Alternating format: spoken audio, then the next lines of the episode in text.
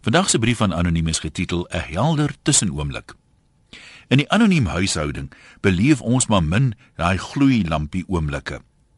Hy rare, dis nou vir ons wow oomblik waar al die stukke van die legkaart skielik in plek val en jy wonder hoekom het jy nie vroeër daaraan gedink nie.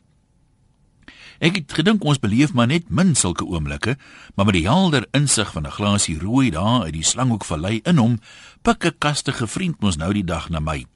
Hy het sielkunde opgeskop in sy 3de jaar, of dalk is dit eerder sielkunde wat hom uitgeskop het. Maar hy onthou nog dat sulke helder tussenoomblikke ook voorkom by kranksinniges. Ek dink hy probeer sê hulle is nie altyd ewe mal nie, maar uh, ek het nie van die idee gehou dat ek hom op die gedagte gesit het nie.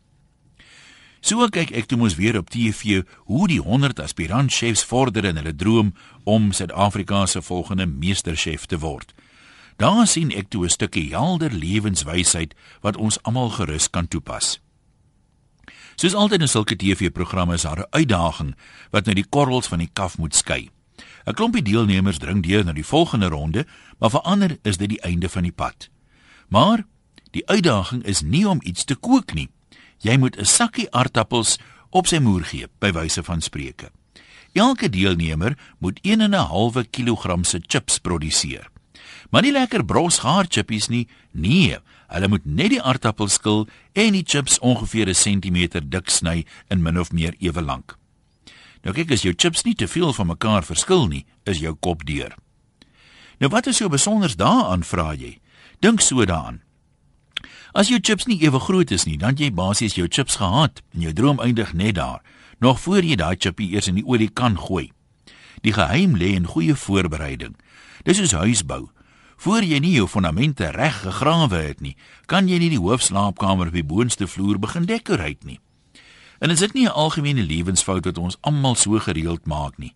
'n Swak beplanning nie die rede hoekom daar nooit tyd is om iets die eerste keer reg te doen nie, maar daar is altyd tyd om dit noodgedwonge oor te doen. Dalk moet ons meer besin eer ons begin, want goed begonne is mos half gewonne. Uit die deelnemers se sukses was dit duidelik dat heelwat van hulle maar min oefening daarin het om die basiese dinge reg te doen.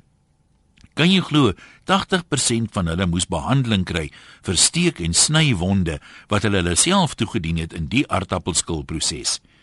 Dis waar my helder tussenoomblik toe inkom. 80% van ons verwond ons toekoms deur ons eie toedoen omdat ons nie behoorlik daarvoor beplan nie. En nou dat ons almal wys is, gaan slaan die hand op nuut aan die ploeg my kinders. Groete van oor tot oor. Anoniem.